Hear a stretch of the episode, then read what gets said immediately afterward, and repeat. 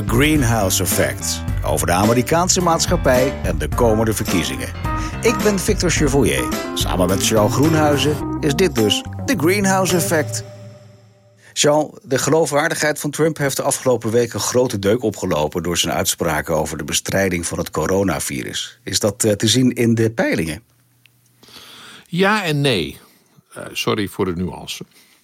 Uh, nee, omdat je eigenlijk, als je gewoon in zijn algemeenheid aan mensen vraagt van... kun je het beleid van de president goed of af? Ja, dan is hij de afgelopen weken wel een paar procent gedaald. Uh, maar dat zit uiteindelijk toch in een soort marge... dat je denkt van, het is wel interessant. Ik las vanochtend een stuk van iemand die zich daar ook over verbaasde. En die zei, als je, als je als een soort elektrocardiogram leest...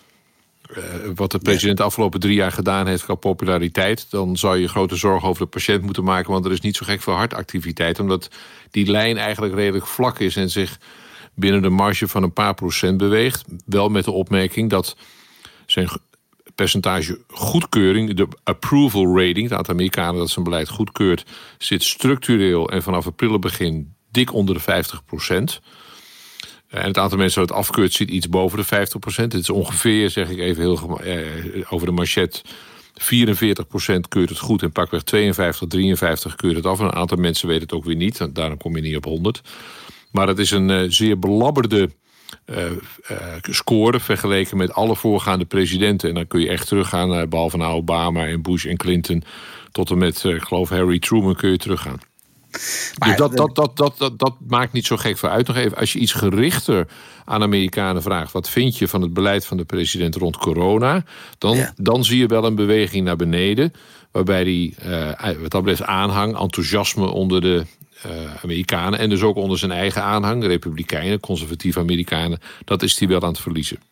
Maar je zegt dat hij er eigenlijk nog steeds een flink aandeel uh, mensen houdt. Zo'n 44 procent die achter hem staan. Ondanks die uitspraken die hij afgelopen week gedaan heeft... die echt ja, aantoonbaar uh, een complete kletskoek waren.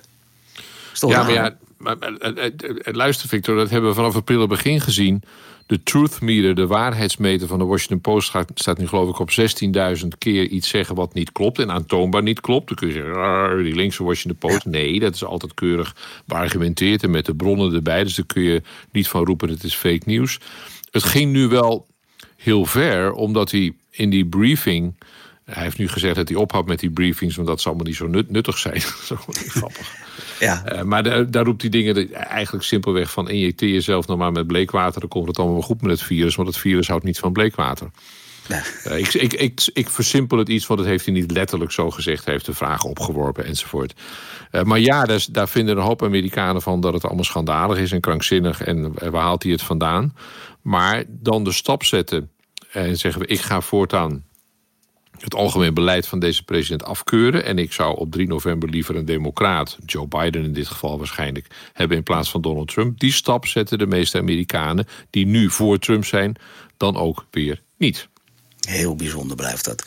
Over uh, Joe Biden wil ik het straks nog even hebben. Uh, maar de, Donald Trump is een zakenman met veel hotels. Uh, de economie en de beurs heeft sinds mensenheugenis niet zulke zware klappen gehad als nu. Uh, buiten de politieke gevolgen daarvan voor Donald Trump. Wat, wat betekent dit nu voor zijn zakenimperium? Nou, dat is heel ernstig. Hij zit behalve dus in hotels, ook bijvoorbeeld in, in hele luxe golfresorts... waar uiteraard dan ook wel een groot hotel op staat. Ja, die ja. zijn voor een deel zijn ze gewoon dicht...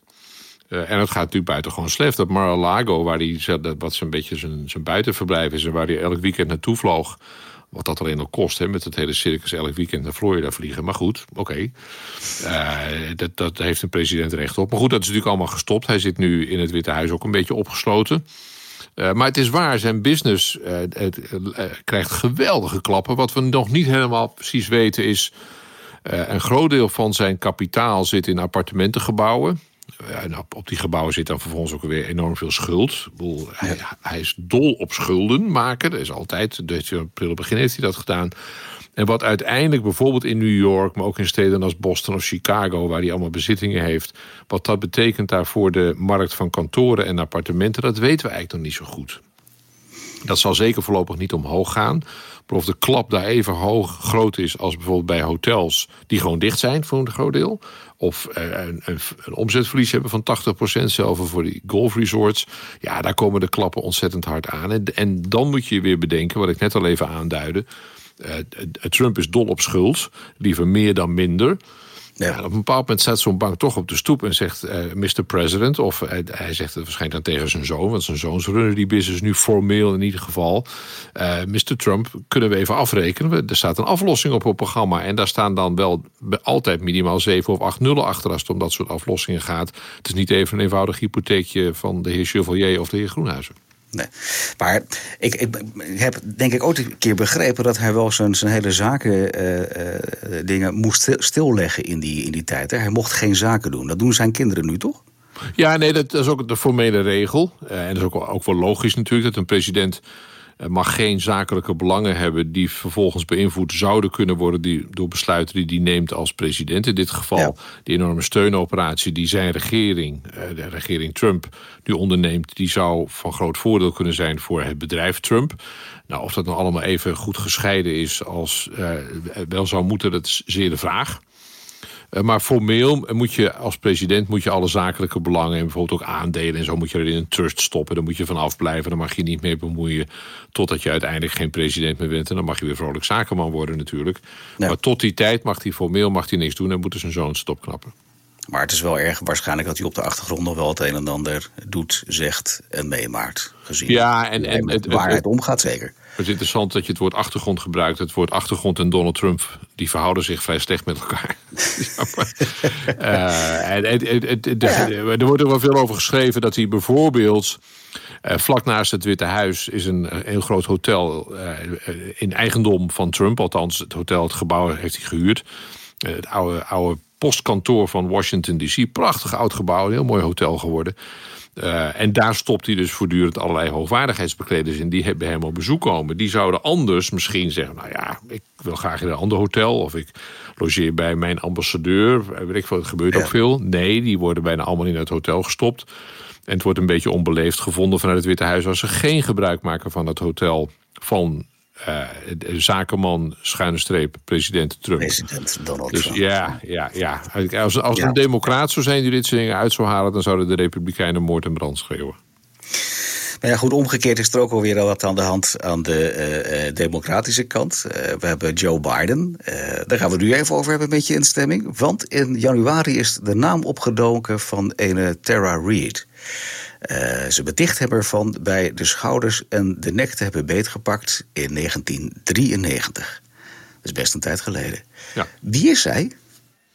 Zij was toen een uh, medewerker van uh, Joe Biden, die toen senator was, een zeer prominente senator. Is die tientallen jaren geweest. Voor een Relations Committee heel lang geweest, bijvoorbeeld, wat een van de belangrijkste senaatscommissies is. Mm. Uh, en het gaat ietsje verder dan nek en schouders. Hij zou met zijn handen onder haar kleding hebben gezeten en haar zelfs gepenetreerd hebben met zijn vingers. Uh, uh, en dat zou uh, in een zeer onaangename confrontatie geweest zijn, waarbij hij tegen haar gezegd zou hebben: van ja, maar je vindt me toch hartstikke leuk, en zullen we ergens anders naartoe gaan om, nou enzovoort, kleur zelf plaatjes. het is natuurlijk wel opvallend dat dat verhaal nu ineens naar buiten komt. Ja, het is 1993, uh, man. Dat is 27 jaar geleden. Um, en dat, dat zie je wel vaker. Kijk, je kunt, op twee manieren kun je er naar kijken. Je kunt zeggen van luister. Het is wel heel toevallig dat nu Joe Biden net klaar is met zeg maar, de voorverkiezingen en de kandidaat voor de Democraat wordt, dat nu uitgerekend ergens een mevrouw op staat die zegt van hij heeft aan me gezeten. Ja. En dat hebben we natuurlijk wel vaker gezien. Dat hebben we ook in de periode van Clinton gezien. En dan komen er ineens dames tevoorschijn uit de kast rollen of uit bed rollen, weet ik veel. En die zeggen er zijn dingen gebeurd die niet door de beugel kunnen. Dus nee. dat, dat, dat, dat ter verdediging van Joe Biden. Uh, dan even de andere kant van het verhaal, wat ook echt zeer breed uit wordt uitgevent door bijvoorbeeld Fox News. kijk, Joe Biden staat bekend als de man met losse handjes.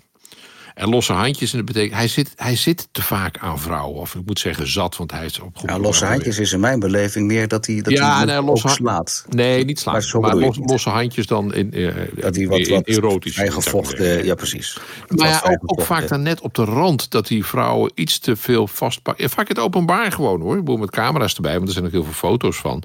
En, en vrouwen ook zoomt waarvan je denkt van nou, pff, eh, dat hij gewoon iets te, iets te, iets te plakkerig is. Eh, en of dat nou ook nog iets verder is gegaan eh, zonder camera's erbij, dat, dat weten we niet precies. Eh, daar heb ik eigenlijk nooit echt iets van gehoord. Dat hij, dat hij echt vreemd ging, bijvoorbeeld. Laten we gewoon bij de naam noemen. En ik, ja, het is wel heel erg toevallig dat het nu gebeurt. Wat, wat voor Biden vrij vervelend is, is dat er een opname is opgedoken van de tv-show van Larry King, ook uit die periode. Ook uit begin jaren negentig. Ja. En eh, in, in die show gaat het over on- ongewenste intimiteit. Dat werd volgens mij toen nog an- anders genoemd. En het was ook nog ver en ver natuurlijk voor de hele MeToo-beweging. en daar belt dan een mevrouw uit uit Californië. En die zegt, ja, maar mijn dochter... die werkte bij een prominente senator. En ja, ja, ja, die heeft eh, ook onaangename dingen meegemaakt... en kon de verhaal niet kwijt. Nou, de plek waar dat vandaan komt... is wel de plek waar toen de moeder van deze eh, mevrouw eh, eh, Reed woonde.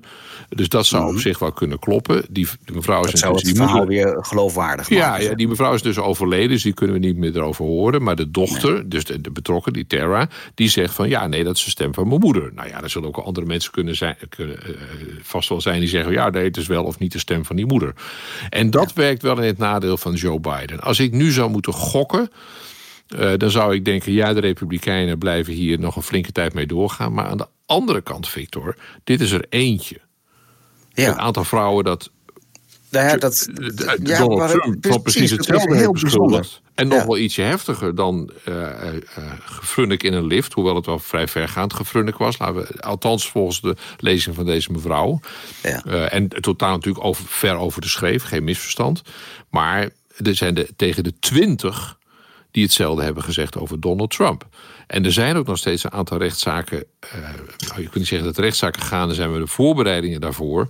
En dat zou, geen idee, alles, alles wordt nu trager en langzamer. Maar dat zou Donald Trump ook nog wel eens kunnen opbreken. Als het gaat om echtelijke trouw en je handen thuis houden. Ja, dan heeft Donald Trump toch weinig om trots op te zijn. Nee, maar dat is ook een heel raar fenomeen eigenlijk. Want, want ik geloof dat Trump aantoonbaar zo'n beetje elke denkbare fatsoensnorm overtreden heeft. Zeker. Eh, nu komt iets over Biden naar voren van 27 jaar geleden. En dat wil ik ook niet bagatelliseren. Als dat inderdaad feitelijk gebeurd is, dan is dat uiteraard laakbaar. Maar wat mij opvalt, is dat het verschil in publieke waarde zo enorm is. Waarom vindt eh, ook zelfs nog de, de, de fijn christelijke achtergrond, eh, de achterban van eh, Donald Trump. Waarom vinden die dat dan minder interessant dat Trump dat allemaal doet? En dat Joe Biden dan wellicht iets verkeerds gedaan zou hebben 27 jaar geleden. Dat wordt nu uit die beerput naar boven. Dat vind ik zo raar. Ja, het, het- het is niet alleen raar, het is, het is, het is totaal uit proportie natuurlijk. En, en terecht dat je ook die christelijke aanhang van Donald Trump en van de Republikeinen erbij haalt. Ja, die zijn, die zijn wel extreem selectief in hun waarneming.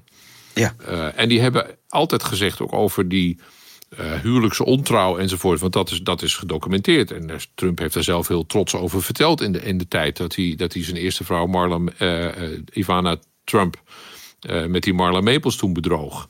Eh, en dat, dat, dat, dat, dat ventte hij zelfs uit via de tabloids enzovoort. En nou, de fameuze geluidsopname van Trump ook nooit ontkend. Het grab by the pussy verhaal. Ja, Da- daar spreekt een gedragspatroon uit. Niet één incident in een lift, maar daar spreekt een gedragspatroon uit.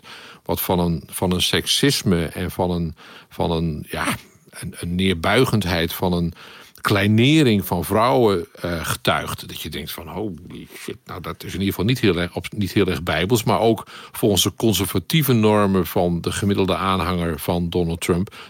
Totaal, totaal natuurlijk uit proportie en laakbaar inderdaad. Het woord gebruik je terecht.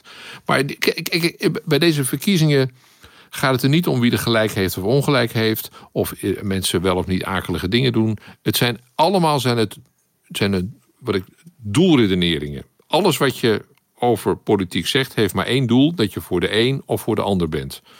En de, de- bij de, het de ene politicus Trump vergeef je alles. En Joe Biden, één mogelijke een misstap ga je uitgebreid uitventen en zeggen het is een absoluut schandaal. Kijk nu maar bijvoorbeeld ook op Fox TV de afgelopen weekend nog weer. op goed moment dan klik je Fox aan en denk van nou wat is hun belangrijkste nieuws? Hun belangrijkste nieuws was dus dat een interview met CNN uh, een aantal democraten, ook Joe Biden, niet naar deze kwestie gevraagd was. Dus het ging niet over wat er nou wel of niet gebeurd was, maar het feit dat CNN er niet naar vroeg in dit geval, was voor Fox News al uh, voorpagina nieuws. Ja, ja zo, zo gek gaat het nu. Oké, nou, ik, ik wil bij de volgende podcast graag even verder met je hebben over Joe Biden, uh, Graag tot de volgende. Ja, kijk, die Joe Biden, laten we even eerlijk zijn. Even als cliffhanger ook voor de volgende keer. Oh, je gaat hem spannend maken. Ja. ja, nou ja, kijk, er is natuurlijk een hoop gekkigheid die we over Trump elke keer horen. Maar Joe Biden kan er ook een aardig boekje mee vullen hoor. Holy moly. Tot de volgende keer.